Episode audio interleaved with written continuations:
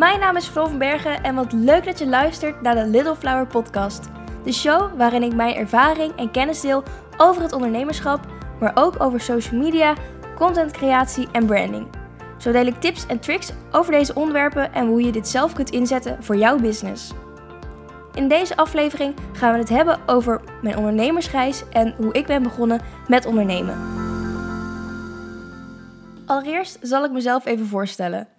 Ik ben Floor, ik ben eh, nu 19 jaar oud en ik woon in Vinkel. Dat is een eh, klein dorpje in de gemeente Den Bosch. En ik ben trots ondernemer van Little Flower. En met mijn bedrijf wil ik andere ondernemers zoals jij helpen met het creëren van een krachtige online zichtbaarheid, zodat jij de juiste doelgroep kunt gaan bereiken. Zo, dat is even in een vogelvlucht uh, wie ik ben en wat ik doe. En dan ga ik even vanaf het begin beginnen, helemaal terug naar vroeger. Ondernemen zit eigenlijk in mijn bloed. Vanaf jongs af aan ben ik hier eigenlijk al ingerold, aangezien mijn beide ouders ook ondernemers zijn. En het was daarom ook geen verrassing dat ik ook mijn eigen onderneming wilde beginnen. Als kind was het dus inderdaad zo, mijn ouders die hadden een eh, bedrijf aan huis en een werkplaats aan huis. En wij zaten, toen wij vroeger met Lego speelden, zaten wij op een kleedje naast het bureau van ons mam. Um, met de Lego inderdaad te spelen of met de Barbies of uh, ja, weet ik het. Um, en als dan iemand belde en een klant binnenkwam, dan wisten we dat we stil moesten zijn. Of ja, inderdaad even aan de kant gaan zitten. Uh, dat in ieder geval de rommel niet in de weg lag. Uh, maar ook mijn ouders werkten heel vaak s'avonds of uh, s'nachts zelfs nog door. Nou is dat natuurlijk ook niet gezond. Maar ik bedoel, ik wist wel dat er inderdaad niet vaste werktijden waren. En dat ze als wij uit school kwamen, dat ze altijd tijd voor ons hadden. Of in ieder geval tijd vrij maakten voor ons. Omdat het ook kon. Dus dat is eigenlijk een beetje hoe ik in aanraking ben gekomen met het ondernemerschap. Ik voelde vroeger eigenlijk als kind wilde ik altijd musicalster worden. Dus zingen, dansen en acteren, ja, dat vond ik echt heerlijk. Uh, en ik vond het ook geweldig om op een podium te staan. En zo doe ik dat nu eigenlijk ook met die podcast natuurlijk. Een, uh, een eigen podium pakken. Maar ik wilde vroeger ook astronaut worden. Uh, ja, ik wilde eigenlijk gewoon heel veel dingen worden. Ik vond alles, alles leuk. Maar over het algemeen wilde ik altijd musicalster worden. En ik heb ook inderdaad meegedaan aan talentenklas. Met audities voor musicals ook. En dat was super leuk. En daar leer je ook wel echt dat je naar voren moet. Ja, dus en je leert daar best wel veel van. Je zit natuurlijk in een groep met heel veel talentvolle mensen. Je moet jezelf heel erg bewijzen en, en er bovenuit steken. Ja, om die hoofdrol te krijgen natuurlijk. En ja, dat wil natuurlijk iedereen. Maar dat was voor mij best wel moeilijk, omdat ik vroeger heel erg gepest ben op de basisschool. Of ja, gepest is natuurlijk een beetje een groot woord, want ja, er zitten natuurlijk heel veel variaties in. Um, maar ik, ja, ik was nogal buitengesloten als kind. Ik hoorde er niet echt bij. Um, ik was namelijk een klas overgeslagen, dus ik was altijd de jongste. Um, en een beetje het stuutje van de klas. Dus ja, ik hoorde er niet echt bij. En daardoor ben ik wel um, ja, snel hard moeten worden en wel moeten opkomen voor mezelf. En mezelf wel echt laten horen. En daar heb ik natuurlijk ja, onwijs veel van geleerd. En ben ik wel veel sterker door geworden op zo'n jonge leeftijd al. En dan inderdaad zeker in combinatie met die musicalster wat ik wilde worden dus. Daardoor ben ik echt een stuk zelfverzekerder geworden. Um, en ook trotser op mezelf. Dat ik die dingen ook heb kunnen combineren. En ja, daar word je echt wel sterker van. En dat is misschien niet ideaal op zo'n jonge leeftijd. Maar het heeft me wel gebracht waar ik nu ben. Nou, op een gegeven moment, inderdaad op de basisschool, uh, had ik dus niet zo'n fijne tijd. Uh, maar toen kwam ik mijn middelbare school tegen. Het uh, Titus Brandsma Lyceum in Os. Of uh, ook wel het TBL genoemd. En uh, dat was een, een HAVO-VWO-school. Uh, en daar heb ik dus ook inderdaad de, de, de combinatierichting gedaan van HAVO-VWO. Maar dan was er een speciale richting ook nog voor. En dat heette de expeditierichting. En daar had je dus niet standaard lessen, maar kreeg je dus opdrachten in projecten. Dus zo had je bijvoorbeeld over geschiedenis of over aardrijkskunde, Nederlands. overal had je dus projecten voor. Zo hebben wij bijvoorbeeld het uh, jeugdjournaal moeten opnemen of gewoon het journaal, uh, maar dan met dingen van Nederlands. Um, we hadden inderdaad Kahoot quizzes die we deden maken en die dan presenteren. Of uh, we bakten een cake en omdat het dan bij die bepaalde cultuur hoorde. Het was heel erg gevarieerd. en dat sprak mij heel erg aan en daarmee haalde ik ook echt wel mijn punten op. Want bij bepaalde vakken had je dan wel nog gewoon toetsen. En dan merkte ik wel dat het ja, best wel pittig was voor mij om te leren, maar ook om inderdaad die concentratie te hebben tijdens een toets, maar ook tijdens het leren. En dat ik, ja, daar zit eigenlijk vrij weinig creativiteit in. En in die projecten, was dat dus wel. En daar haalde ik dus mijn punten mee op. Toen merkte ik, want die richting was maar twee jaar. En na die twee jaar moet je dus kiezen HAVO of VWO. Nou, uiteindelijk werd het dus HAVO, uh, omdat mijn niveau dus gewoon niet hoog genoeg was. Uh, nou, dat is prima. Uh, HAVO is niks mis mee natuurlijk. Dus ik naar de HAVO. maar ik merkte toen al heel snel dat ik echt mijn creatieve uitlaat niet kwijt kon. Ik, ik, kon zeg maar met creativiteit kon niet kwijt. Ik had geen uitlaatklep daarvoor. Dus ja, dan wordt het best wel... Het was een heel pittig jaar um, om door al die toetsen um, heen te komen. Als je op een gegeven moment alleen maar slechte cijfers haalt met de toetsen, um, ja, dan is het gewoon niet de juiste manier van leren en, en het past ook niet bij mij. En ja, ik was daardoor ook helemaal niet happy. Naast dat ik wel natuurlijk hele leuke vriendinnen had daar um, destijds en nog steeds ook uh, een aantal van heb. Maar ja, je moet dan wel inderdaad gaan kijken, wat past dan wel bij mij en wat kan ik wel? Want dit werkt niet. Toen heb ik dus besloten om uh, de switch te gaan maken naar VMBOT.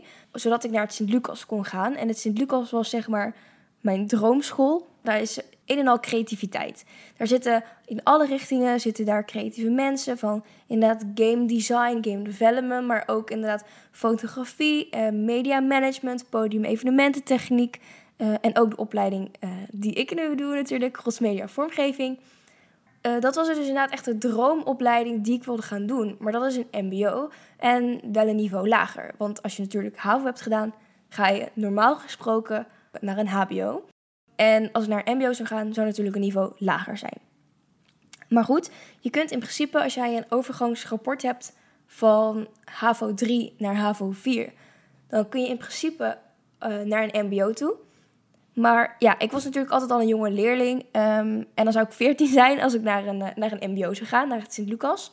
Dan had ik ook geen papiertje. Dus had ik eigenlijk geen zekerheid. Vandaar dat ik heb gekozen om inderdaad een jaar te nemen uh, om naar het VMBO te gaan. Zodat ik mijn diploma kon halen. En ook een jaartje ouder was voordat ik naar het Sint-Lucas ging. Ik heb dus de switch gemaakt om naar het Hooghuis in Hees te gaan. Um, dat was dus een middelbare school waar ik mijn eindexamen ging doen. Uh, want ja, een eindexamenjaar is natuurlijk altijd maar een beetje zo'n half jaar. Dus ik was ook niet zo heel veel kwijt. Nou, toen ging ik daar uh, dus naar school. En als nieuwelingetje uh, kom je er best wel lastig tussen als iedereen al drie jaar lang op dezelfde plek met dezelfde vriendengroep zit. Ik had gelukkig wel een leuke vriendin die ook mee ging van school switchen. Dus ja, dat was wel heel erg fijn om elkaar te hebben. Maar ja, toch ze zat in een andere klas. Dus ja, je mist elkaar dan toch wel ja, af en toe. En ja, je moet het toch natuurlijk zelf doen. Maar ja, dat was denk ik wel... Ja, dat klinkt heel heftig. Maar voor mij was het een hele zware tijd. Het was heel erg moeilijk. Ik zat echt niet op mijn plek. Ja, ik had, echt ja, ik had ook eigenlijk geen vrienden daar. Ik, ik voelde me ook helemaal niet thuis op die school. En ja, het was ook gewoon niks voor mij. En dat is prima. Maar ja, het was wel echt even volhouden dus. Om vervolgens naar het Sint-Lucas te kunnen. En toen was het zover. Toen was het eindelijk. Ik had mijn uh, examen gehaald. Onwijs blij. En ik wist dus na de zomervakantie ga ik naar het Sint-Lucas. Maar in die zomervakantie uh, in 2017 um, ehm, heb ik meegedaan aan project Zomerondernemer. Want ik wist dus al dat kriebeltje wat onder in mijn buik zat. Ik wil ooit ondernemer worden. Um, ja, dat vond ik heel erg tof. En ik wilde iets creatiefs gaan doen, want dat video's maken zat er al heel erg in. Ik deed altijd al op mijn telefoon veel foto's bewerken uh, met gekke effecten. Um, alsof ik inderdaad in een ruimte met vuur was en dat soort dingen. Ja, ik deed natuurlijk al veel met foto en video. Dus vandaar dat ik wist, oké, hier wil ik meer mee doen.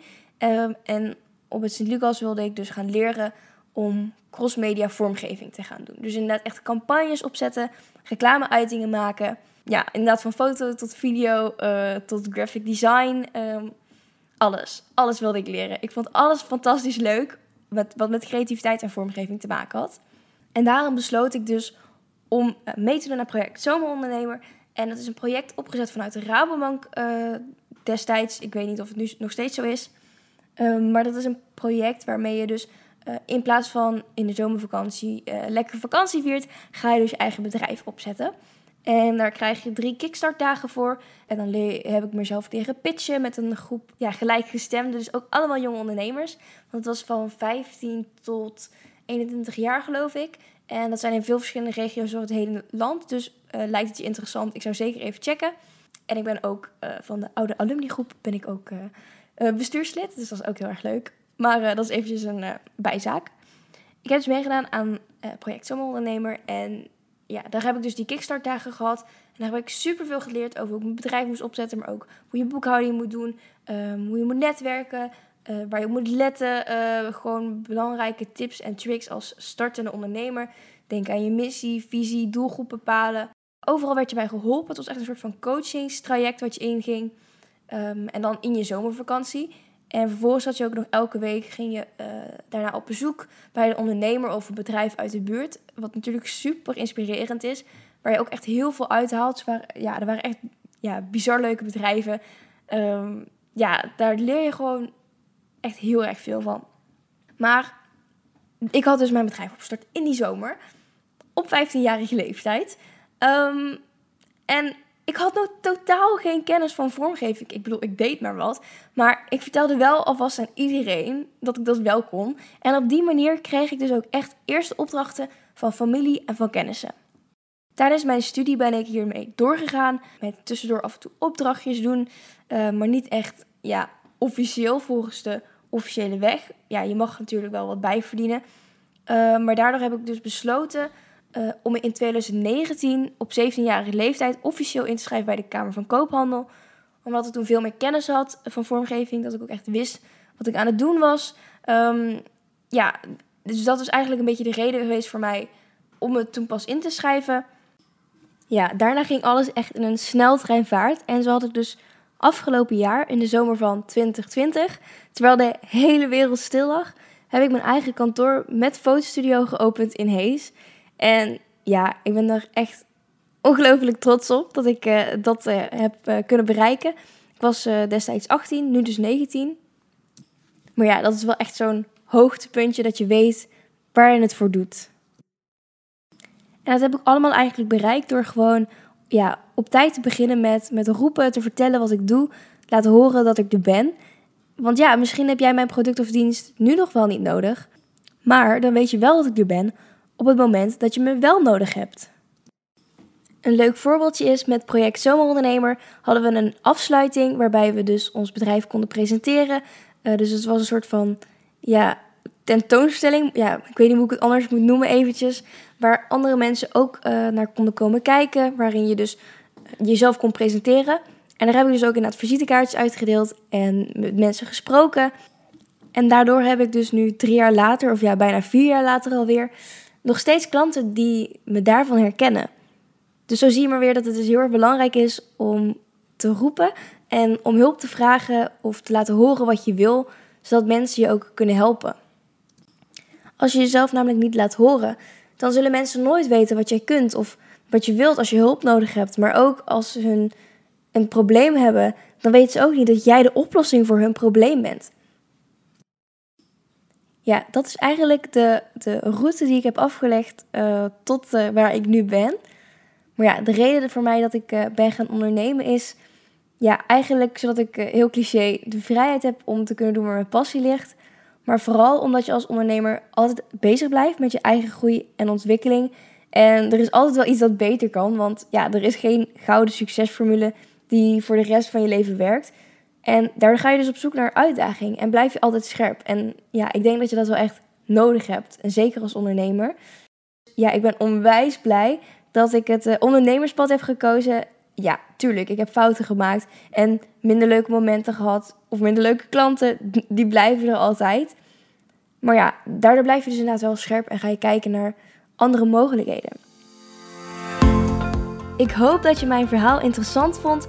En mocht je meer over mij willen weten of gewoon graag op de hoogte gehouden willen worden rondom de nieuwste trends van social media en branding, check dan even mijn Instagram profiel Little Flower.